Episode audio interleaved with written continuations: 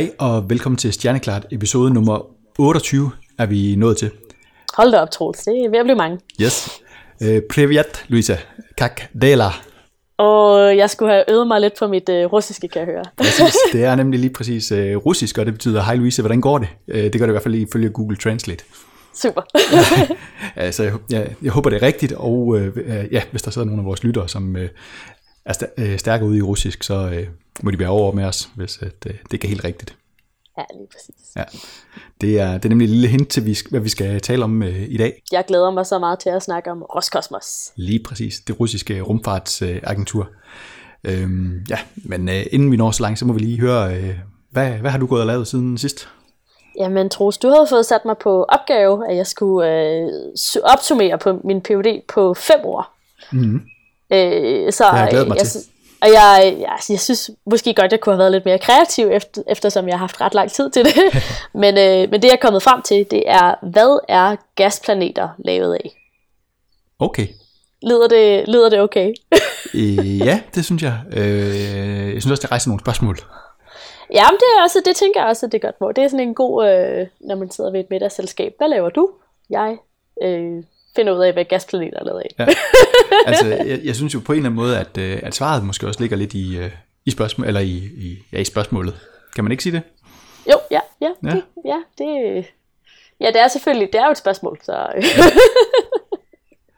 Men ja, det er det, jeg, jeg prøver på at finde ud af, hvad de store planeter, som verden- vi har i udrummet, som så er gasplaneter, jeg prøver på at finde ud af, hvad der, hvad der er inde i dem. Det lyder spændende.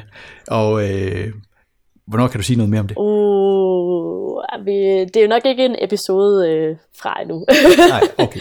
Men øh, altså, jeg, ikke, jeg tror, øh, jeg plejer at kigge på sådan noget, øh, sådan, sådan anse videnskab som sådan et, øh, et meget, meget stort puslespil, som man er rigtig, rigtig mange mennesker om at lave. Øh, og jeg arbejder så bare på en lille bitte, bitte, bitte prik, ja, brik, som passer sammen med en masse andre brikker. Så der er selvfølgelig, jeg tror, det er nok ikke mig, der sådan kommer til at enhændigt til at fortælle jer, hvad alle planeter er lavet af. Nej. Men øh, det kan være, vi, det kan være sådan en god, øh, et godt skub i den rigtige retning. Det lyder godt. Jeg glæder mig til sådan at, når du kan fortælle lidt mere om resultatet i hvert fald. Yes, det, kan, Yes. yes. det gør jeg også. Det er godt. Yes. Er, du, øh, er der andre, øh, har du lavet andre ting siden sidst, som vi, vi skal høre om? Ja, men jeg har jo prøvet på at finde nogle planeter, for det er Sådan. Også noget af det, jeg laver. Og, øh, og det er faktisk sådan, at vi har en øh, god nyhed øh, med i dag. Det er sådan, at vi er kommet op på over 4.000 eksoplaneter inde på den officielle NASA exoplanet-tæller. Jeps. Øh, det skete den øh, 13. juni, og i dag, eller i dags dato, der er vi så op, op på 4.003 eksoplaneter. Ja. Så af dem, der er det altså kun... Øh, ej, jeg, jeg tror, jeg må være, være ansvarlig for sådan 20 stykker af dem, eller sådan noget. Okay. Det, har, det er da også en Med, andel. medans, medansvarlig, medansvarlig ja. skal mig at sige. Det er da bestemt en pæn andel. ja, ja, ja. Øh, og så øh, iblandt de, øh, de nye eksoplaneter, vi er, der bliver blevet sådan nyligt er blevet bekræftet, der er der så fem af dem, der kommer fra, øh, fra TESS. Øh, men vi kan regne med, at der kommer mange, mange flere i, i løbet af i år. Jeg regner med, at sådan, tælleren den virkelig skal begynde at accelerere snart. Det glæder vi os også til. Øh, hvad med dig, Troels? Har du taget nogle, øh, nogle exoplanetnyheder med? Det har jeg. Fordi det er sådan, at i øh, 2019, der fylder den internationale astronomiske union nemlig øh, 100 år. Og for at fejre det, der øh, har alle nationer øh, fået mulighed for at, øh, at vælge et navn til både en eksoplanet og til den stjerne, som eksoplaneten den kredser om. Den planet, som øh, Danmark har fået øh, tildelt, den hedder lige nu noget så fængende som HAT P29b, øh, og den blev fundet i 2011 med transitmetoden. Det er jo min favoritmetode, fordi den jeg bedst forstår. øh, og øh, en af dem, som var med til at finde den, det var Lars Bukhave fra DTU Space. Øh, og ham har du øh, haft en lille snak med, Louise, om øh, hvad øh, HAT P29b øh, det er for en planet. Så jeg har fat i øh, Lars Bukhave, der er professor ved DTU Space øh, og forsker i eksoplaneter i dag. Øh, og Lars, det er jo sådan, at øh, det er dig, der er første forfatter på den artikel, der øh, sådan, sådan annoncerer øh, opdagelsen af HAT P29b. Øh, så, så det er jo sådan en af dine, øh, dine, dine børn, det her. Øh, kan du fortælle os lidt om, øh, om den her planet, og hvad det er for en størrelse? Ja, altså, øh, det er en, øh, en, en, en relativt stor, det er en gasgigant, øh, ligesom øh, Jupiter og Saturn i vores eget solsystem, men den er altså en gasgigant, som er meget, meget tæt på dens værtsstjerne. Den har kun en, øh, et år eller en periode på 5,7 dage, tager det den at komme rundt om den der stjerne. Så den er altså også ganske varm. Øh, ja. og, og stor, den er omkring Jupiters størrelse og masse, og så er den omkring en stjerne, som er en lille smule varmere end solen. Mm-hmm. Øh, så det er ikke et sted, hvor vi kan forvente noget som helst form for liv eller noget, der ligner det. Det er faktisk en ret eksotisk type planet i virkeligheden. Mm-hmm. Og det er jo meget sjovt med de her øh, varme Jupiter, at det så alligevel er, øh, at de, det er sådan meget sær, sære planeter, eller sådan det eksotiske, som du siger, men vi ja. finder rigtig mange af dem. Øh, sådan, øh, nu ved jeg, at du, du har forsket en del i, i hot Jupiter og andre, andre typer gasplaneter. Så hvad, hvad, hvad kan vi bruge de her øh, varme Jupiter til? Hvad, hvad er der spændende ved dem i, i forhold til ekstra? Ja, I virkeligheden så tror jeg, at, at, at vi har forsket i de planeter, fordi vi kunne. Så det er sådan set, ja. det, i virkeligheden er de meget usædvanlige. Det er kun cirka 1% af alle stjerner, der har sådan nogle hot Jupiter, så vi får ud af senere.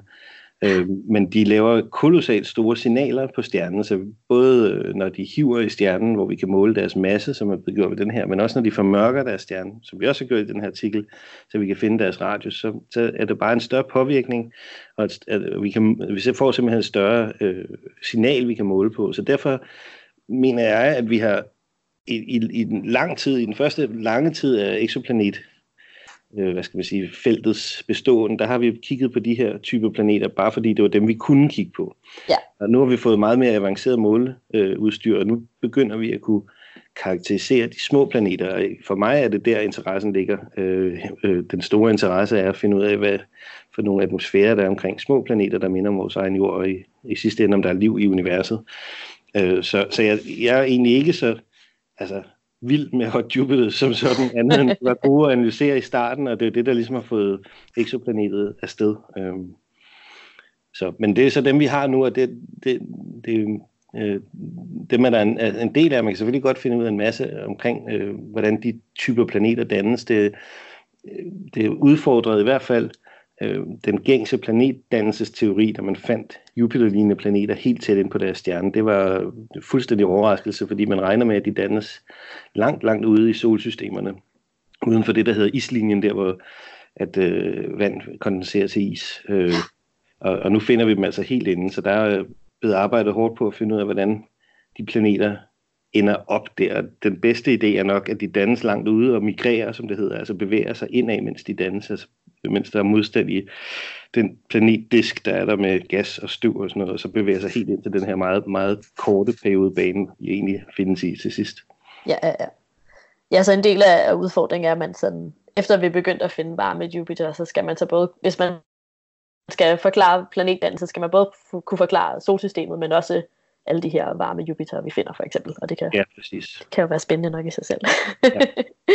Så hvis vi gik ud og, og ledte efter tilfældige planeter, og vi ikke havde nogen øh, såkaldt bias til at, at, at detektere store planeter tæt inde, så ville, vi, så ville de her være en parentes i, i, øh, i alle de planeter, der findes, hvor at almindelige planeter er, er eller jordlignende planeter er ekstremt meget mere almindelige end de her hot Jupiters. Øh, så, så på den måde er det en lidt kuriositet, at vi har så mange opdagelser af dem, men det er simpelthen fordi, de er meget nemmere at opdage og, og, og karakterisere og lede efter. Så, øh, men øh, Lars, hvordan har du det så med, at det er en af dine planeter, der er simpelthen er blevet til, øh, til Danmarks planeten nu, som det, det er os, der skal navngive? ja, det er jo vildt sjovt, synes jeg. Altså, det, der, det, det er jo et godt initiativ at, at få forskning ud øh, blandt offentligheden, synes jeg. Og vi, øh, exoplaneter er et felt, som har enormt stor offentlig bevågenhed, synes jeg. Hver gang der er nogle planeter, der minder om jorden, så bliver der i hvert fald hent, så bliver man hentet ind til, til diverse nyhedsudsendelser. Så jeg, jeg synes, det er positivt, at vi udbreder den forskning, vi har. Så at, at navngive en planet, det er lidt sjovt, fordi så forføler folk, at de har en aktie i, i planeten på en eller anden måde, fordi de kan få lov at komme med et bud på, hvad den hedder. Så jeg synes, det, det er et godt initiativ, og så er det selvfølgelig sjovt, at, jeg, at det er en af de planeter, jeg har opdaget. øhm, sådan personligt, på det personlige niveau. Ja, ja, ja, præcis. Så, øh, så her på falderæbet, så bliver jeg nødt til at spørge dig, hvad, hvad synes du, det skal hedde? Jamen, øh, for det første, så tror jeg ikke, at jeg har, at jeg sidder på den komité, som skal kigge på de indkommende ah. udvalg. Altså, jeg tror ikke, jeg har lov til at bestemme noget selv, men jeg kan jo sige, at min PhD-studerende, de mente, den skulle hedde Lars Landia. øh, det tror jeg heller ikke, den må, fordi at man skal være død enten i 100 år, eller det må ikke være nulevende, eller, eller, eller personer, som er døde. Øh, du skal være død siden 1919, tror jeg, sådan er reglen. Ja, ja, ja. Hvis eller du skal, før, før 1919. Ja, undskyld, før, før 1919, hvis du skal lægge navn til den, så, så, øh, så der er nogle få regler med, hvad man må kalde den. Jamen, det bliver i hvert fald øh, spændende. Jeg vil ønske jer held og lykke med at, at vælge et godt navn til den. Super, tusind tak. Det var spændende lige at høre fra, øh, fra hvad hedder sådan noget, ophavsmanden. Det hedder det nok ikke rigtigt, men øh, i hvert fald ja, ham, der det, er ophavsmand lyder meget godt. ja, det synes jeg. Øh, og ja, hør fra ham i den her sammenhæng. Ja. Jeg har lige taget lidt øh, fakta med om øh, selve navngivningen. Man har frem til den 11. Øh, oktober øh, 2019 til at komme med sit bud på, hvad planeten den skal hedde. Øh, og som I er inde på i, i jeres snak, der er der nogle regler for, øh, hvordan det skal, det skal være, og det vil jeg lige supplere lidt. Det må ikke være krænkende, det må ikke være navnet på et kæledyr, et sovedyr eller lignende. Så må det ikke øh, ligne eksisterende astronomiske navne, og så må det ikke være af kommersiel eller reklamemæssig værdi. Og så skal det helst være et ord, som er let at udtale på dansk. Og så er der også et par ting mere, som man kan læse om på øh, danmarksplaneten.dk. Og hvis nu, at øh, man gerne vil øh, ud og se Danmarksplaneten, inden man sådan helt beslutter sig for sit øh, forslag, hvad, hvad skal man så gøre, Louise? Øh, jamen det er, altså først og fremmest så skal man have rigtig gode øjne, fordi at øh, HATP 29 øh, har en øh, er, har en, hvad hedder det, en magnitude, som vi kalder det på 11,8. Og det er sådan at øh, astronomisk magnitude øh, øh, system er faktisk omvendt, så jo højere det tal er, jo øh, mindre lysstærk er stjernen, okay. hvis det giver mening. Så 11, hvad, er det højt eller lavt? Øh, så, så 11 er for, for sådan nogle som os, der arbejder med teleskoper på sådan 1-2 meter, så, så er det meget godt. Ja.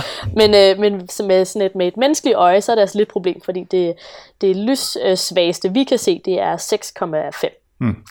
Og med en god håndholdt kigger, der kan man komme se noget, der er sådan op til 5. Så hvis man skal ud og se HAT P29, øh, så skal man altså have, en, øh, have et teleskop foran øjnene. Okay. Men det kan man jo også finde. Det kan man. Men øh, hvis man nu er sådan en, der skal ud og lede efter den, jamen, så er den altså på den, øh, den nordlige halvkugle, hvor vi befinder os i øjeblikket. Og den er sådan lige mellem øh, Cassiopeia og øh, trianglen, eller trekanten. Ja, jeg kan ikke huske, okay. hvad den hedder rigtigt på dansk. Øh, så hvis man sådan lige kan triangulere sig sådan ind mellem de to øh, øh, stjernebilleder, så kan man i hvert fald få en idé om, hvor det er vores Danmarks planet den befinder sig henne. Jeps. Og så er det vist sådan, at, øh, at selve, selve stjernen kan man vist godt uh, se med en god astronomisk kigger. Er det ikke, øh, er det ikke rigtigt?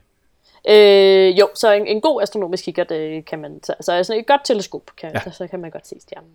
Jeps, okay. Øhm, og så til sidst, som bliver lige høre, har du nogle gode forslag med til, hvad sådan en, en planet skal hedde? Jamen altså, jeg har, jeg har tænkt godt over det. Jeg synes ikke, der er meget, der, der kommer frem. Nej, Nej jeg synes også, det, det er ikke så let. Men øh, altså, jeg synes på en eller anden måde, det vil være oplagt at, at måske se på en af vores øh, øh store astronomer, og se om ikke øh, der er en af dem, der godt kunne have en planet opkaldt efter sig. Åh, oh, lige præcis, det synes jeg da. Ja. Men øh, vi må op, øh, opfordre alle lytterne til at tage ind og, øh, og stemme. Jeps, det vil være rigtig fint. Nu har vi snakket nok om exoplaneten. Nu skal vi have noget øh, Elon. Juhu! Ved, du, er, du er jo fangirl. Total. Jeps. Jeg starter lige med en, øh, en, en nyhed af lidt ældre dato. Den handler om, øh, om Starlink. Mm-hmm. Øh, det er, øh, SpaceX har et øh, projekt, der hedder Star, øh, Starlink, som er et projekt, der går ud på at sende øh, 12.000 satellitter, øh, som er telesatellitter i rummet, med henblik på at kunne levere lynhurtigt internet i hele verden. Og det er jo sådan set øh, egentlig en meget god idé, synes jeg. Øh, og i slutningen af maj, der blev de første 60 så opsendt. Problemet ved at sende øh, så mange satellitter i omløb, det er bare, at øh, det er ikke specielt gode nyheder for astronomer med jordbaserede teleskoper. Øh, lige da de blev opsendt, der var de ret tydelige på himlen, og øh, selv når de så ikke er det længere, øh, så ville de kunne være ret forstyrrende for astronomiske observationer her fra jorden. Øh, og for at sætte det lidt i perspektiv med øh, 12.000 satellitter i, øh, i kredsløb, så er der i øjeblikket ca. 5.000 satellitter om, øh, omkring jorden, hvor at, at nogle er funktionsdygtige, og andre de virker ikke længere. Så man kan sige, 12.000 øh, satellitter, det er jo i hvert fald en, en væsentlig øh, forøgelse af, af det antal af, af satellitter, vi har til at flyve rundt. Så ja, hvad siger du til sådan en idé, Louise? Er du øh, for eller imod? Jeg kan ja, næsten altså, øh, gætte det. Øh, ja, ah, jeg, jeg faktisk, altså jeg var indrømme, øh, er en, der ikke er så stor Elon Musk-fan, og også er astronom, så er jeg faktisk ikke... Øh, øh, jeg har sådan taget lidt, været lidt rolig med at blive forarvet indtil videre, i okay. hvert fald. øh, så øh, det, jeg har kunne finde omkring det her satellitter indtil videre, er, at, at øh, 12.000 eller 12, 12.000 er rigtig mange, og lyder også rigtig meget, men de er ret øh, små, og det vi kan gøre i vores astronomiske øh, observationer egentlig at prøve at holde styr på, øh, altså vi har nogle databaser, hvor vi opdaterer hele tiden, hvor der er synlige satellitter i vores synsfelt, så vi kan korrigere for det hele tiden. Øh, for jeg synes egentlig, at sådan Starlink-projektet i sig selv, altså med at og gerne at give øh, en ny måde at, at, at kunne give internet til folk på, øh, lyder egentlig meget spændende. Ja. Så jeg, vil, jeg, vil sådan, jeg holder lidt på håndbremsen i forhold til at sige, Vær at det er, noget, kritisk. det er noget møg. Ja. ja. men, øh, men med så mange andre ting med, med SpaceX, så skal det være, at man lige skal, kan, skal tage det med grænsalt selvfølgelig. Der er langt fra 60 til 12.000. 12.000. ja, der er et stykke vej nu.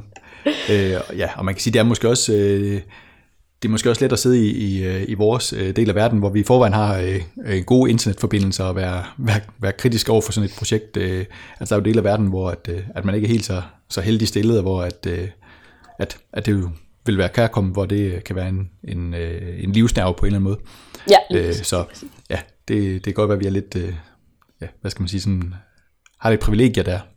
Ja, ja, ja, lige præcis, og det, er jo, det skal man jo også være ja, ja, på.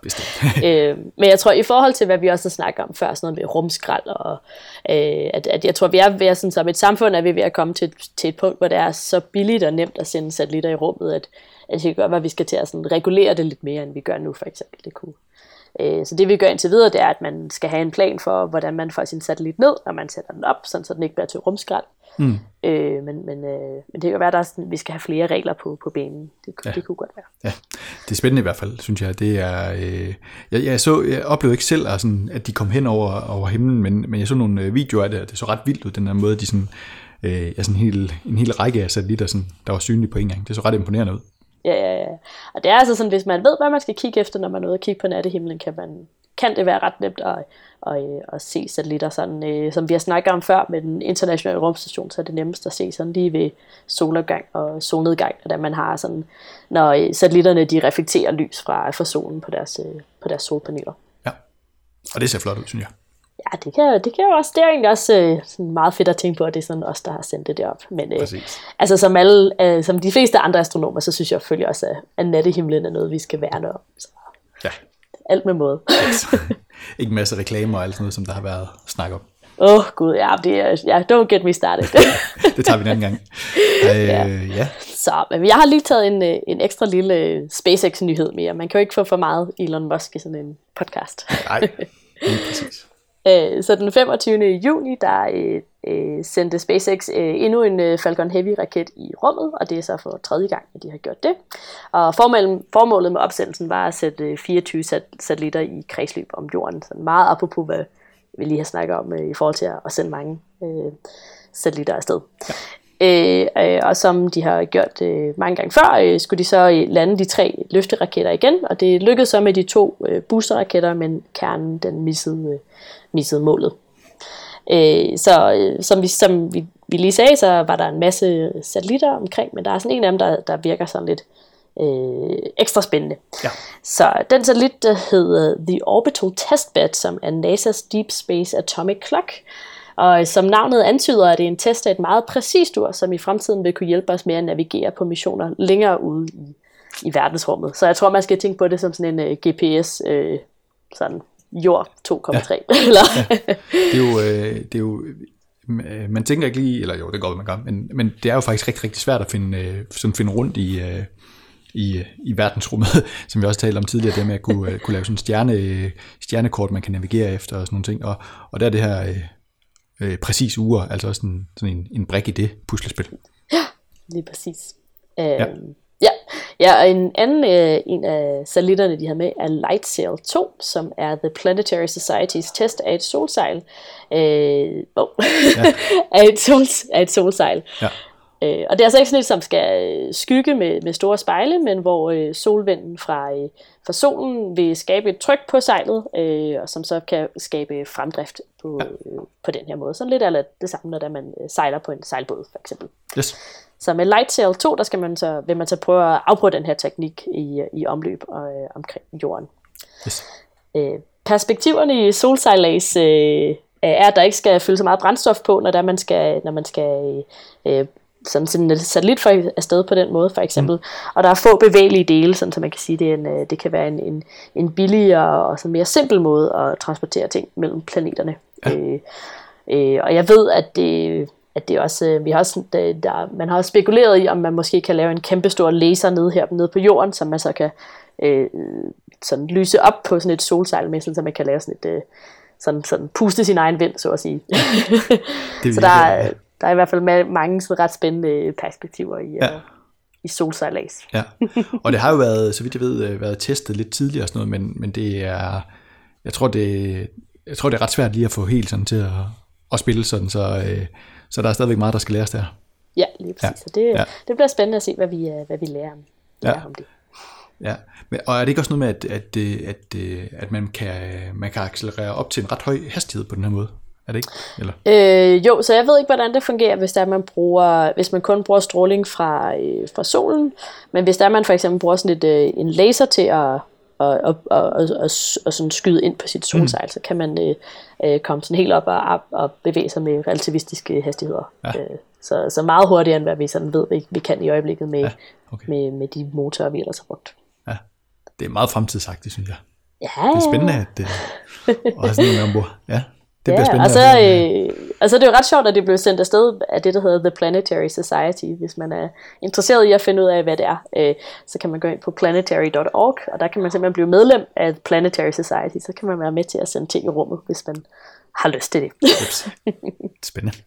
så det er sådan, øh, sådan meget cool. Øh, det er sådan lidt sådan et...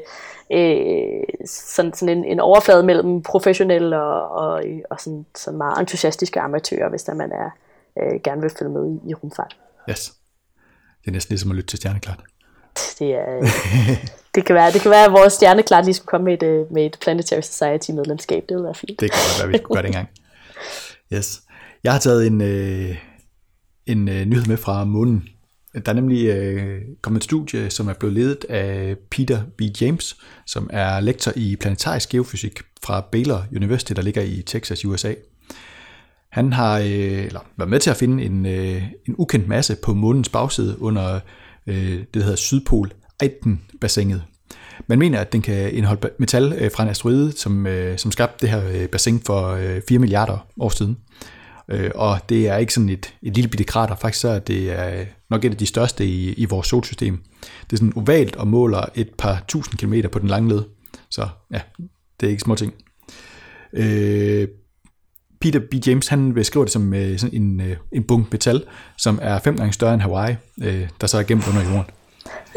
øh, og øh, ved at måle på tyngdekraften rundt om månen, øh, så har man fundet øh, små ændringer over det her område, øh, og det så det kan betyde, at, øh, at der ligger en stor masse gemt under krateret. Og derudover så har man ved hjælp af computersimulationer påvist, at øh, ved et stort øh, asteroidenedslag, så vil en øh, jern-nikkelkerne kunne øh, splittes og, øh, og blive spredt øh, ind i, i månens kappe. Uh. Og ja, det, jeg synes bare, det, det, det er vildt, at man kan godt samtidig sådan tage månen lidt for givet, men der er altså bare stadigvæk rigtig mange ting, som, som vi kan lære om det. Det synes jeg er spændende. Ja, ja. Og det er jo også øh, sådan, det hele kommer tilbage til, at øh, hvis man gerne vil kunne forstå, hvordan øh, månen er skabt, og hvordan jorden er skabt, og det er sådan, det, altså igen er sådan et, endnu en brik i det der meget store øh, pustespil om at finde ud af, hvor, hvor planeterne kommer fra, og og sådan i sidste ende os, os selv. Ja, lige præcis. Og øh, apropos øh, asteroider, hvordan, øh, hvordan går det så med øh, øh, 2006 QV89? Øh, Jamen, du kan tro, at den, den, øh, den hopper op af, af hvad det, IP øh, hvad det, faktorlisten på, okay. på ESA's hjemmeside. Så det er sådan, vi har snakket om det her, om, om impact probability før, som er sådan en, en måde, hvor man kan rangere, hvor farlig en asteroide er. og i uh, to, 2006 QV89 uh, plejede at lægge på en, en, uh, en impact probability på sådan noget med 1 divideret med, eller 1 i, i 11.000, men nu er vi altså røget op på 1 divideret med 7.299. Så okay. der sker ting og sager disse dage. Ja. øh, så det vil så sige, at der er en chance, eller en risiko, øh, som er 1 til cirka 7.000 for, at der kunne være et nedslag på jorden, og hvis der er et nedslag på jorden, så kommer det til at ske om i september 2019. Så ja. du hørte det på Stjerneklart først. Yes. men, øh, men udover det, så vil jeg sige, så, som vi har talt om før, så den her øh, impact probability, som vi har for den her specifikke asteroide, er altså ikke meget højere end sådan det vi vil kalde for sådan baggrundsrisikoen for alle mulige asteroider, vi ikke kender noget til. Så okay. der er stadig en ret stor sandsynlighed for, at den ikke vil, vil, øh, vil, vil ramme jorden, men hvis det er, så, så ved vi det i hvert fald på forhånd. Ja. Øh, og for at huske lytterne på, at det er ikke sådan en super farlig en, vi snakker om her. Den er kun 30 meter i diameter. Som, det, lyder, det lyder stort. Den er stor, den er stor, og den kommer også til at give et, et flot spektakel, men højst sandsynligt vil den ikke, øh, vil den ikke lave noget sådan stort øh, impact-krater øh, Nej, på jorden. Okay. Så, øh, så det kunne være sådan et event, for eksempel, hvor der, den vil øh, eksplodere i atmosfæren, og det, hvis det er, vi ved, det sker, så er det jo ret vigtigt at kunne, at kunne forudsige det, så man kan advare folk på forhånd. Øh, ja. Men højst sandsynligt vil der ikke ske noget ud over det. Nej, og så kunne man jo håbe på, at den gør det ud over et eller andet, nogle øde egne et sted, ud over ja. noget vand eller et eller andet. Lige præcis, lige ja. præcis. Men vi følger, følger i hvert fald øh, med, øh, hvad der sker med den. er nu nummer 4 på listen over øh, ESA's øh, risikoobjekter. Okay. Kan vi lige hurtigt nå, øh, hvad, de, de træerne, de ligger lidt længere ud i fremtiden, ikke? Ja, lige præcis, og det er altså sådan noget øh, 2082 og øh, 21, 2131, og så er der 2099. Okay. Nå, ja, det... øh, den, den, der står til at have, have nedslag i 2099, er, øh, er mindre, den er 9 meter i diameter. Til gengæld så har den en impact probability i 1 ud af 16. Okay, det var, så, det var ikke meget. Så, så det er sådan, det er sådan en, en, øh, en, en risiko, man kan, man kan tage at føle på. Man kan tage at føle på, ja. ja. Så den, den forventer vi faktisk virkelig, at den, øh, den kommer til at ramme. Ja, men jeg ved så ikke, det er ret interessant, jeg ved så ikke om den her impact probability, om, øhm, hvordan de tager højde. Fordi jo længere tid der er, inden at noget øh, øh, når jorden, øh, jo længere tid er der sådan til, at, øh, at der kan ske uventede ting, kan man sige. Ja. Eller sådan, jo flere øh, usikkerheder kan man have i ens model. Så jeg ved faktisk ikke, hvordan de propagerer de, øh, de øh, usikkerheder. For det er alligevel utroligt at kunne sige, at om hvad, 80 år ja. er der et ni, øh, kommer jorden til at møde et objekt, der ikke er mere end 9 meter i diameter. For det er noget med, hvis man bare laver den timing op med et par minutter eller sådan noget for eksempel, så, så suser vi bare forbi den. Mm. Så øh, jamen, det bliver spændende. Den må ja. vi også følge med. med. Ja. Det, kan, det, er, det er god læsning inde på, på ESA's øh, hjemmesider. Og jeg synes, det, det er noget øh, imponerende matematik, der, der gør, at man kan regne det ud. Ja, det, øh, det må man sige. Og det er faktisk ret sjovt øh, i forhold til, at vi lige snakker om de her solar sail. Jeg havde lige en samtale med en min kollega den anden dag øh, om, hvordan man udregner øh, strålingstrykket fra solen på de her asteroider, for det er man nødt til at tage højde for. Mm, ja. Hvis der man gerne vil kunne, kunne øh, forudsige meget præcist, øh, hvordan de bevæger sig igennem rummet. Øh, og det er jo utroligt, altså det er bare sådan en af de mange parametre, man skal have med i sin model. Det er simpelthen øh, øh, strå, ja. jo, ved det, den strå, det strålingstryk, der kommer fra, fra solen af. Ja.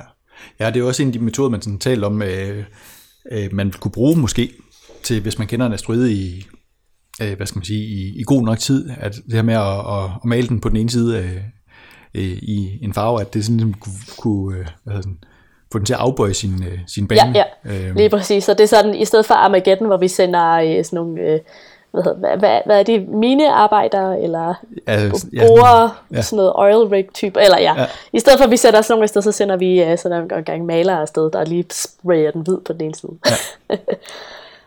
øh, og meget apropos Roskosmos, så tror jeg faktisk, det er en af deres uh, løsningsmodeller for, uh, hvad man skal gøre, hvis der er, der er en, en asteroide, der har, øh, der har kurs mod jorden. Ja. Det er en spændende idé. Ja, ja, ja. Det er, øh, det, det er meget fedt det her med at bruge, øh, bruge naturen. Eller sådan. Der skal faktisk ja. øh, ikke nødvendigvis så, så, øh, så vilde ting til, for at man kan... Det er bare et lille bitte skub, og så, ja. så kan, man, kan man få dem ud af... Ja, ja hvis, den får lov, hvis det får lov at virke over, over lang tid nok, så er det, så er det rigeligt. Lige præcis, lige ja. præcis. Yes. Har du, øh, har du flere nyheder med, Louise? Nej, det er det. Jeg er klar til vores tema. Det var godt. Det, så lad os kaste os ud i det. Øh, som nævnt, så skal vi i dag tale om øh, det russiske rumfartsagentur, eller rumfartsorganisation, øh, Roskosmos. Øh, hvordan udtaler, jeg synes, du udtaler lidt anderledes. Hvordan, øh, hvordan siger du det? Øh, jeg siger Roskosmos. Nå, det var stort set det samme. Så kalder vi det bare det hele igen. Roskosmos, øh, som er den russiske pendant til øh, for eksempel øh, europæiske ESA, eller det øh, amerikanske NASA. Øh, og jeg tror, at NASA er nok øh, sådan øh, den mest kendte øh, rumfartsorganisation. Ja, de har en god PR-maskine. Så. Det må man sige. øhm, ja, lad os lægge ud med at, og lige få et, øh, sådan et, øh, et recap på øh, Roskosmos historie. Øh, da Mikhail Gorbachev den 25. december øh, 1991 valgte at gå af som Sovjetunionens sidste præsident og den, det øverste folkevalgte organ i Sovjetunionen, det hedder det øverste Sovjet. Øh, der dagen efter, den 26. december, der opløste sig selv og dermed Sovjetunionen. Der var der to øh, kosmonauter, Alexander Volkov og Sergej Krikalev. Der kunne de øh, se det hele lidt fra oven. De befandt sig nemlig på den øh, sovjetiske rumstation Mir, sådan en 300-400 km over det nu tidligere Sovjet og det nuværende Rusland. De var blevet sendt op som øh, sovjetborgere fra den kazakhstariske SSR og landede igen den 25. marts 1992 som øh, russer i den uafhæng- i uafhængige republik Kazakhstan. Da de øh, kom ned igen, der havde de, øh, man kan sige, der havde de også fået en øh, ny arbejdsgiver. Den 25. februar 1992, der blev Roskosmos nemlig etableret som en efterfølger til det sovjetiske rumprogram. Øh, men inden vi sådan rigtig når til Roskosmos, der tænkte jeg, at vi heller lige måtte tage en, øh, en lille tur i Sovjetunionens bedrifter i rummet, øh, for det er, det er egentlig ikke småting, som øh, Sovjet har bedrevet der. Ej, det må man sige. Der er, der er mange øh, sådan, sådan, sådan første gange, eller for, for, forgængere, der har været en del af det. Ja, det, øh, det må man sige. Spørgsmålet er selvfølgelig lige, hvor langt man skal gå tilbage, når man skal øh, tale om Sovjet i rummet. Fordi allerede i september 1931, der blev den researchgruppe, som hed GIRT, dannet. Og de beskæftigede sig med forskellige dele af raketvidenskab. Den mest øh, succesfulde raket, de stod bag, i hvert fald hvis man sådan taler om øh, højde, det var den, der hed Giat X, som den øh, 28. Marts 1933 kom op i en højde på cirka 5,5 km. Men ja, 5,5 km, det er jo lige sådan knap og nap øh, rummet. Øh, men det er dog på vej derop af. Et af gruppens medlemmer, det var Sergej Korolev. Korolev, er det ikke noget, den jo, det, jeg, jeg, jeg er meget bevidst i hvert fald. Den, den russi, min russiske øh, udtale, den er altså ikke, den er ikke imponerende. Øh, ja, øh, Sergej Kolev, han blev øh, senere leder for øh, Sovjetunionens øh, rumprogram hvor at øh, Sovjetunionens rumprogram, øh, eller rumforskning på det tidspunkt har været sådan sammenlignet med Tysklands, så kom det under Stalin til at, at lide et knæk, øh, og hvor blandt andet Kolev han endte i, i en af de her øh, sovjetiske arbejdslejre. Øh, så efter 2. verdenskrig, der øh, nød Sovjet øh, godt af tilfangetagende tyske videnskabsfolk, øh, som kunne bidrage til øh, øh, udviklingen, og ja, for øvrigt lidt ligesom øh, øh USA også gjorde. Øh, Werner von Braun, som havde været leder af det tyske raketprogram, han kom til USA, mens hans øh, assistent øh, Helmut Grøtrup, han øh, kom til Sovjet. Der hvor det, sådan, det, det sovjetiske rumprogram, det sådan rigtig får sin start, det er den 4. oktober 1957, hvor at øh, de opsender den første kunstige satellit, Sputnik 1, og i løbet af 22 døgn øh, der øh, kan man sådan jorden rundt fylde øh, Sputnik 1's øh, bippen. Opsættelsen af Sputnik 1, det bliver øh, tit set som startskud på rumkapløbet, og hvis man gerne sådan vil høre den øh, historie folde lidt mere ud, så øh, kan man hoppe tilbage til det afsnit, vi lavede, der hed afsnit 10,5, hvor vi dykker lidt mere ned i øh, Sputniks, Sputnik 1's øh, historie. Øh, allerede øh, måneden efter den øh, 3. november 1957, der var Sovjet klar med en ny første gang, nemlig Sputnik 2, som var den første gang, man øh, sendte et levende dyr i en omløbsbane om øh, jorden. Og det var, som mange nok ved, hunden Leica. Og så har jeg lige været regnet lidt på det, og så vidt jeg lige kunne regne ud, så må det have været på min morfars 30-års fødselsdag. Han er, han er i hvert fald fra 27, så vidt jeg lige kan huske, at, at den blev opsendt. Og øh, selvom at der, der nok er gået lidt, øh, lidt tid før, at øh, sådan en nyhed den er noget øh, øh, til Aalborg i sådan en præ-internet-tid, så må det være en, øh, en virkelig vild nyhed at, at få, at, øh, at nu man sendt et, et levende dyr op i rummet. Ja, det må da lige have været i radioen i hvert fald. Ja. Altså jeg tænker også, det er utroligt at, sådan at sidde til, uh, til sådan uh, middagsselskab. Altså nu sidder vi og snakker, altså sådan, der hvor de folk, jeg sidder og spiser aftensmad sammen med, der er det meget ofte, at det er sådan noget Elon Musk, der kommer på, på banen. Ja. Men, øh, men sådan, sådan Sovjet har lige sendt en hund i, i, i kredsløb om jorden, det, det må altså alligevel være vildt nok. ja. I øh, 1959, der opsendte de øh, Luna 1, 2 og 3, som var øh, de første til henholdsvis at passere tæt forbi øh, månen. at øh, ramme månen og at tage billeder af månens fjerne side. Men øh, Sovjet var ikke øh, færdig med at komme først, fordi den 12. april 1961, der lykkedes det nemlig at blive de første til at sende en øh, mand, og det var jo ikke Gagarin, i rummet. Og senere, den 16. juni 1963, også den øh, første kvinde i rummet, øh, nemlig Valentina, og et russisk efternavn igen, Taraskova. Ja, jeg sad også lige og sådan øvede mig selv det, i det på indersiden. Ja, jeg, jeg, jeg synes, jeg er du klarede det godt, Troels. Okay, tak. øhm, ja, der var fart på Sovjetunionens, Sovjetunionens rumdrøm i de her år. Øh, nogle af de øvrige bedrifter sådan lige i, øh, i overskriftform i, i, i, år, i de år her, det var øh, i 1961, øh, der var Sovjetunionen de første til at have en, en mand i rummet i mere end et døgn. Det var German Titov ombord på Vostok øh, 2, som også blev den første til at sove i rummet, og efter sin også den første til at opleve rumsyge og kaste op i rummet. det var, jeg kan ikke forestille mig andet, han, det, var en, det synes han, det har nok været en fed rekord at have og øh, allerede i august 1961, øh, altså kun nogle få måneder, øh, eller ja, det var allerede i august 1961, at, øh, at han kom op, kun lige nogle få måneder efter, at Yuri Gagarin havde været i rummet.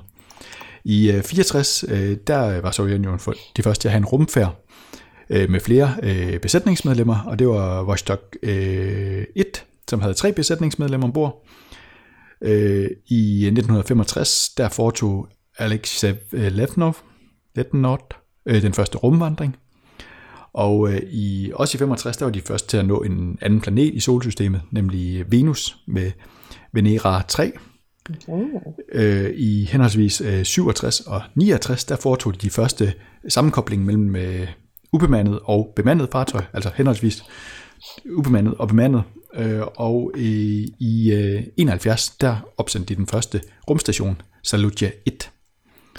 Og ja, også i øh, 71, der var de de første til at nå frem til øh, Mars.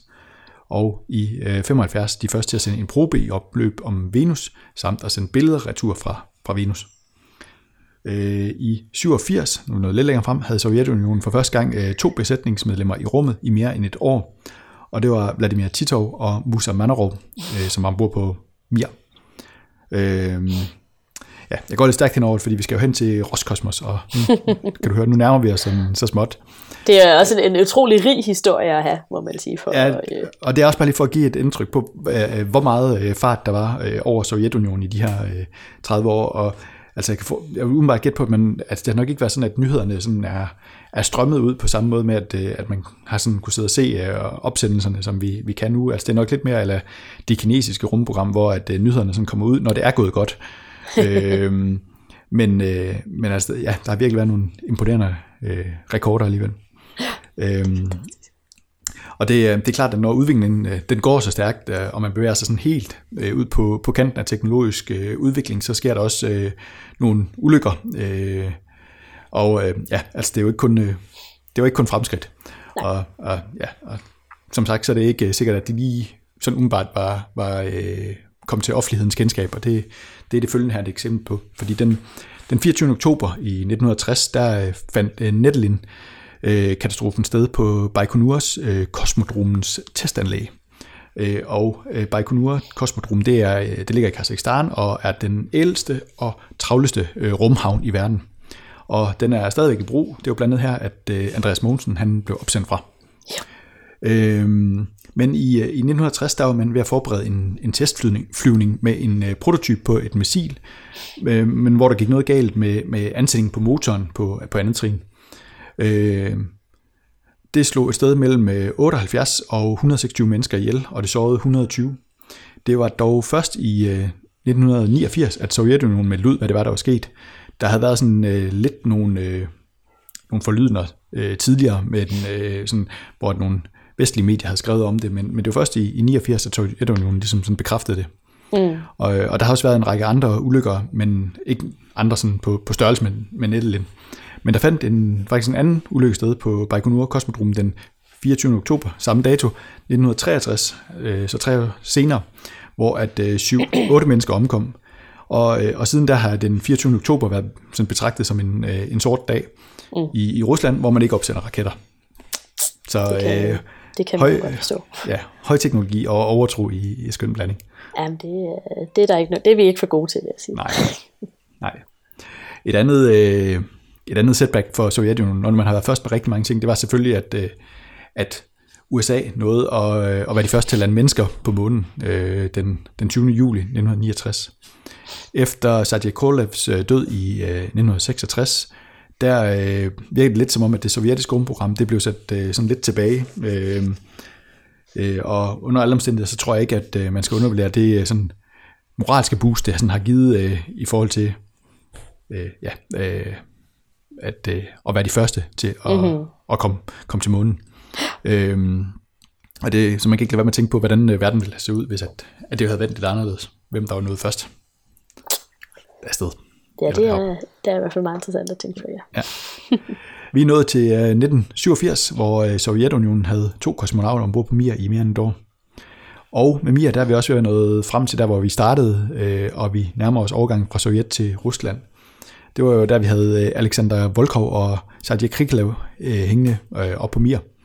Og ja, som sagt, så den, den 25. februar 1992, der blev, der, der blev Roskosmos til. I, i begyndelsen af, af Roskosmos øh, levetid, der var både Rusland og Roskosmos økonomi i krise.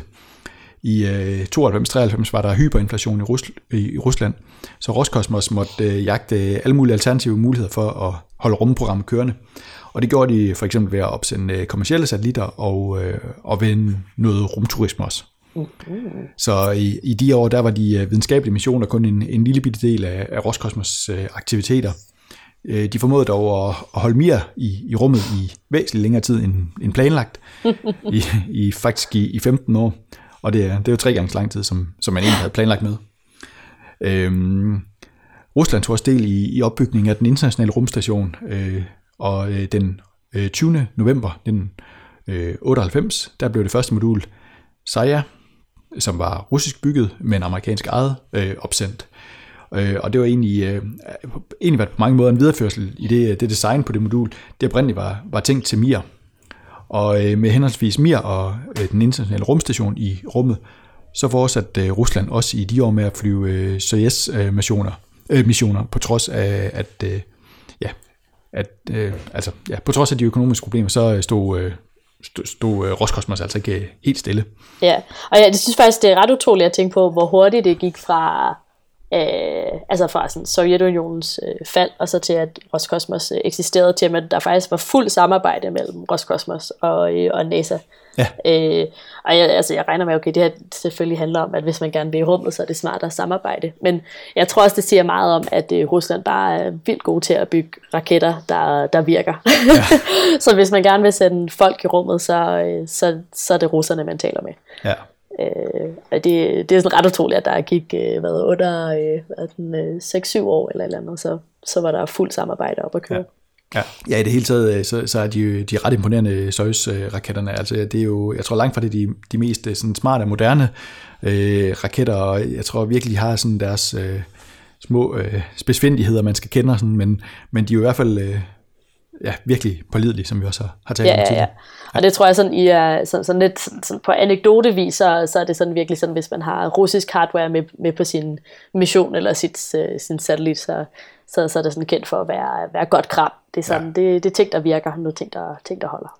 Øh, fra, øh, fra 2005, der begyndte det at se, se rigtig godt ud for den russiske økonomi, og det betyder også et løft for Roskosmos, der fik tilført øh, langt flere penge, end, end man har gjort tidligere. Det betød blandt andet, at der kom gang i de videnskabelige missioner igen, og øh, det var blandt andet Coronas Foton fra 2009, som øh, hvis mål var, var solforskning. Så var det Spectre R, eller Radion Astron, som blev opsendt i 2011 og var et radioteleskop. Øh, I 2013 der genoptog man øh, noget fra Sovjetdagene, der hed Bion-satellitterne, som har til formål at undersøge biologi og foretage medicinske eksperimenter i rummet. Øh, BNM blev opsendt i 2013 og havde øh, 45 mus, øh, 18 mongolske ørkenrotter, 15 geckoer, snegle, fisk og mikroorganismer med ombord. Øh, alle de mongolske ørkenrotter, de døde dog på grund af en hardwarefejl ombord. Men øh, resten af eksperimenterne, de forløb tilfredsstillende. Øh, godt nok så døde halvdelen af musen, men det, det havde man også lidt kalkuleret med, så det, det var som, øh, ja, som forventet. Ja. Jeps. Øh, derudover så har man øh, hos øh, Roskosmos også arbejdet med en, øh, en nyudviklet rakettype, der hedder Ankara. Øh, Og det har man gjort blandt andet for at få øh, øh flere dele øh, sådan fremstillet i Rusland. Øh, øh, flere delene øh, til raketterne øh, i det tidligere Sovjet, de blev fremstillet uden for, øh, uden for Rusland, blandt andet i, i øh, Ukraine. Øh, og øh, ja, det var ikke sådan helt hensigtsmæssigt øh, mm-hmm. nu. Altså der vil man gerne kunne, fremstille helt derhjemme. Øh, I hvert fald i højere grad. Øh, Ankara, den fløj, øh, Ankara øh, fløj første gang i øh, 2014, og øh, lidt i samme boldgade, så efter Sovjetunionens fald, så øh, lå øh, Ruslands primære opsendingssted øh, jo pludselig øh, uden for Rusland, øh, altså i, i, i Kazakhstan. Øh, så man, øh, ja, så man skulle igennem en masse forhandling for ligesom at, at få lov til at benytte den. Så derfor der begyndte man i, i 2011 på øh, Vostokny øh, kosmodromen, øh, og det der Vostokny, det betyder egentlig bare sådan den, eller kosmodrom, det betyder den, den østlige øh, rumhavn, mm-hmm. og den ligger også sådan helt ude øst på, øh, kun en øh, 600-800 km øh, fra Stillehavet. Øh, ja, som så skal være en, en afløser for, øh, hvad hedder det, øh, Baikonur. Så det var sådan et, øh, et rit af, af ja, både øh, det, der kom før Roskosmos, og, øh, og øh, så hvad, hvad Roskosmos har, har udrettet siden, øh, siden det blev til. Ja, ja. ja. Ja, jeg synes, det var super spændende, Troels. Jeg har lært en, øh, jeg har lært en masse nyt i dag, og jeg håber, at, øh, at vi kommer til at sådan, snakke om nogle andre øh, rumagenturer på et tidspunkt, som måske er sådan endnu mindre, eller endnu mere ukendt end, end Roskosmos er, for det er jo ikke kun NASA og, og ESA, der Nej, er der simpelthen er, så mange derude, det er helt fantastisk. Ja, man, øh, man kan næsten ikke være et land uden at have et, et rumprogram længere. Øh, noget af det, jeg synes, der er ret fantastisk ved Roskosmos og, øh, og øh, det sovjetiske rumprogram før det, er faktisk, at de her, det virker som om, at de har fokuseret meget på, øh, på biologi og på menneskelig, øh, eller sådan, menneskets øh, rumudforskning. Ja. Sådan, sådan, sådan de, de øh, dokumentarer, sådan noget, jeg, har, jeg har kigget på som sådan forberedelse til i dag, handler meget om, at det sådan, at russerne egentlig var sådan, ja ja, vi skal nok komme til månen. Det er, sådan, det er Mars, der bliver det virkelig stort problem. Ja. Øh, så de har for eksempel lavet en masse eksperimenter med at, at lukke mennesker ind i sådan en, du ved, sådan en øh, øh, øh, rumstationssimulator, ind i en, øh, en øh, en container et eller andet sted, og så se, hvordan øh, mennesker de opfører sig, når de er lukket sammen med andre i, i meget lang tid på, sådan, ja. på, på småt rum og sådan noget. Der er ja. de her vilde historier med, hvordan de har lavet øh, øh, øh, sådan, sådan lavet sådan en øvelse, som skal simulere, at der måske ikke er så meget ild til rådighed. Mm. Sådan så, at, øh, så, så, du skal forestille sig, at alle de her kosmonauter, eller jordkosmonauter, de sover i køjesenge. Og så det, de så gør, når der ikke er så meget ild i lokalet, det er, at man skiftes til at være den, der skal sove på den øverste køje, fordi det er der ikke er så meget, meget ild. Og så sådan virkelig sådan have, have rutiner for alting, eller sådan have procedurer for alle mulige øh, øh, ting, der kan ske. Ja. Øh, og de har også forsket en hel masse i øh, at gro planter i, i rummet, som jo er, er noget, vi også har snakket om i nogle tidligere ja. øh, udsendelser. Øhm, for Roskosmos, hvis man skal, skal kigge lidt, øh, lidt fremad, så en af deres øh, kommende missioner er ExoMars. ExoMars er en delt mission mellem Roskosmos og ESA, øh, og det er sådan, at mange af de store missioner, der bliver sendt op nu, øh, er delt mellem op til flere øh, rumagenturer. Det er sådan, at James Webb, som er nok det største projekt, rumprojekt øh, sådan i vores tid, er, er delt mellem det kanadiske rumagentur, ESA og NASA for eksempel. Så det er mm. meget normalt, at de samarbejder. Men øh, tilbage til, til ExoMars. Ja. Øh, ExoMars består af to forskellige opsendelser. Den første var i 2016, hvor de sendte øh, skal jeg, øh, Gas Trace Orbiter øh, afsted sammen med øh, en lille lander, der hedder Schiaparelli. Det er jeg ikke så god til at sige. Nej. øh, men Troels, kan du, kan du huske, hvad der skete med landeren?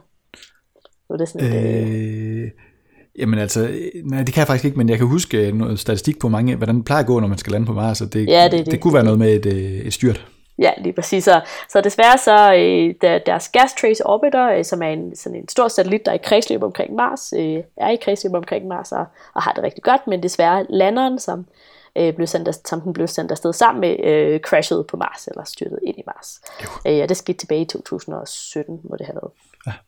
Øh, så det var, en, øh, det var en kedelig dag på arbejde. Jeg, det var dengang, jeg stadig arbejdede for ESA. ja. øh, men der er en ny del af ExoMars, som så hedder ExoMars 2020, fordi den skal sendes afsted i 2020. Okay. Øh, og det rigtig spændende med, øh, med det er, at der er en, en lander med, men en rigtig rover afsted, som, skal, som så skal køre rundt på overfladen af Mars. Øh, ja. Det var sådan, at øh, Schiaparelli-landeren oprindeligt var sådan et, øh lad os sige... Øh, øh, sådan et proof of concept, altså det var en test for, hvordan man gerne vil, vil lande roveren, øh, og nu, er det så ikke gået, nu gik det så ikke så godt med Schiaparelli, men det betyder så, at man har lært en, en masse. det er jo det gode ved Ja, lige præcis. Så forhåbentlig i 2020, så, øh, så er Roscosmos klar til at, øh, at lande deres, øh, deres første rover på, på Mars. Og hele hvad hedder det, ideen bag ExoMars er, at man vil lede efter biosignatur på Mars' overflade. Øh, og det, det, jeg tror, det, det er en super spændende mission, og det er meget, meget, øh, altså der er så mange forskellige instrumenter med afsted på, på roveren, at, at der kan virkelig, øh, virkelig ske en masse, masse nyt. Så det, vi skal prøve at se, er at simpelthen finde ud af, om der muligvis har været, øh, været øh, liv på Mars' overflade i, i gamle dage. Så at sige. Ja, det er vildt. Spændende. Så øh, øh, ja, altså jeg synes, det, det har været virkelig været fedt at, at dykke ned i et, i et helt rumagentur. Der er utrolig meget at tage fat i. ja, og, og det bliver i sagens natur, sådan, øh, når man skal prøve at kondensere øh, så mange år, øh, bliver det jo sådan en lidt hurtig gennemgang, øh, men øh, det kan sagtens være, at vi øh, vender tilbage til øh, nogle detaljer øh, ja. senere hen. Lige præcis. Så øh, betragt det som en introduktion. ja, lige præcis. Så kan man jo sådan kigge på det, man kigge lidt videre på det, man synes, det lyder ekstra spændende. Yep. Øh, Troels, nu, nu nævnte du det jo lidt, øh, øh, lidt tidligere i, i udsendelsen, at øh, amerikanerne de landede på, øh, på månen den 20. juli. Og ja. det er jo sådan, at det er, det er jubilæum i år. Ja, det er spændende. Så jeg tror godt, vi kan afsløre, at vores næste episode kommer til at handle om øh, den første mand på månen, eller den, det, det første menneske på, øh, på månen. Ja. Det, og vores 50 års jubilæum. Præcis. Det glæder vi os til at fejre. Yes. Ja. Har du taget nogle, øh, lige nogle sidste nogle ting, man skal ud og kigge, øh, kigge op på, på himlen efter, Louise? Jo da. Så nu har det været solværv, og man skal være, man skal være, være godt en god natteravn, hvis man gerne vil ud og kigge på himlen, men det ja. skal jo ikke stoppe os. Øh, man kan se både Jupiter og Saturn på nattehimlen lige omkring øh, solnedgang i øjeblikket. Man skal sådan kigge mod sydøst. Øh, og jeg har lige jeg har tjekket mod i dag. Det ser, det, det ser utroligt smukt ud. Det er så meget... Øh, øh, Øh, det er sådan en meget smuk kontrast, man får på himlen sådan ved solopgang, når man har både Jupiter og Saturn, som er virkelig lysstærke på himlen. Øh, og det er sådan, at hvis der er nogen, der kommer lidt irriterende og spørger, hvad er det for en planet, så kan man kan altså afsløre, at Jupiter er den af dem, der er mest lysstærk, og så er den også tættest på, øh, på, på solen i øjeblikket. Så, okay. så, øh, så har man sådan lidt, øh, der er lidt at gå efter. Lidt, lidt, lidt uh, god uh, trivial viden, eller tri, sådan paratviden klar til, uh, til sin, sin, sin dinner parties. og hvis man er uh, ude hele natten, eller indtil der klokken 3-4 stykker, når solen den står op igen, så kan man også se Venus ved, uh, ved solopgang. Ja. Uh, og så er det jo nu, vi også ser hen over sommeren, går i går hvad hedder det, meteorsværm sæson i, uh, i møde. Yes. Øh, de, de største meteorsværme vil først være at se i juli og august, men indtil da her i juni måned, der kan man se noget, der hedder botiderne. Øh, og det er altså en sværm, jeg ikke synes, jeg har hørt om før. Men der skulle være omkring øh, op til 100 stjerneskud i timen, og den piker den 27. juni, men vil fortsætte hele, hele den første halvdel af juli måned. Sådan. Der er øh, noget at gå ud og kigge efter. Lige præcis. Og det er så smart, at den er simpelthen i retning af Jupiter og Saturn, så man kan se ved solnedgang. Så hvis man bare er ude og kigge på dem, så kan man jo lige så godt lige holde øje med nogle, nogle, sol, med nogle stjerneskud. Det lyder som en god idé. det vil jeg gå ud og gøre. Ikke uh, lige nu. Jeg venter lige til den 27. Okay, godt. det, der er nok at gå ud og kigge på. Tak for, fordi I lyttede med, og tak for den her gang. Tusind tak, Sols. Vi snakkes. Det gør vi.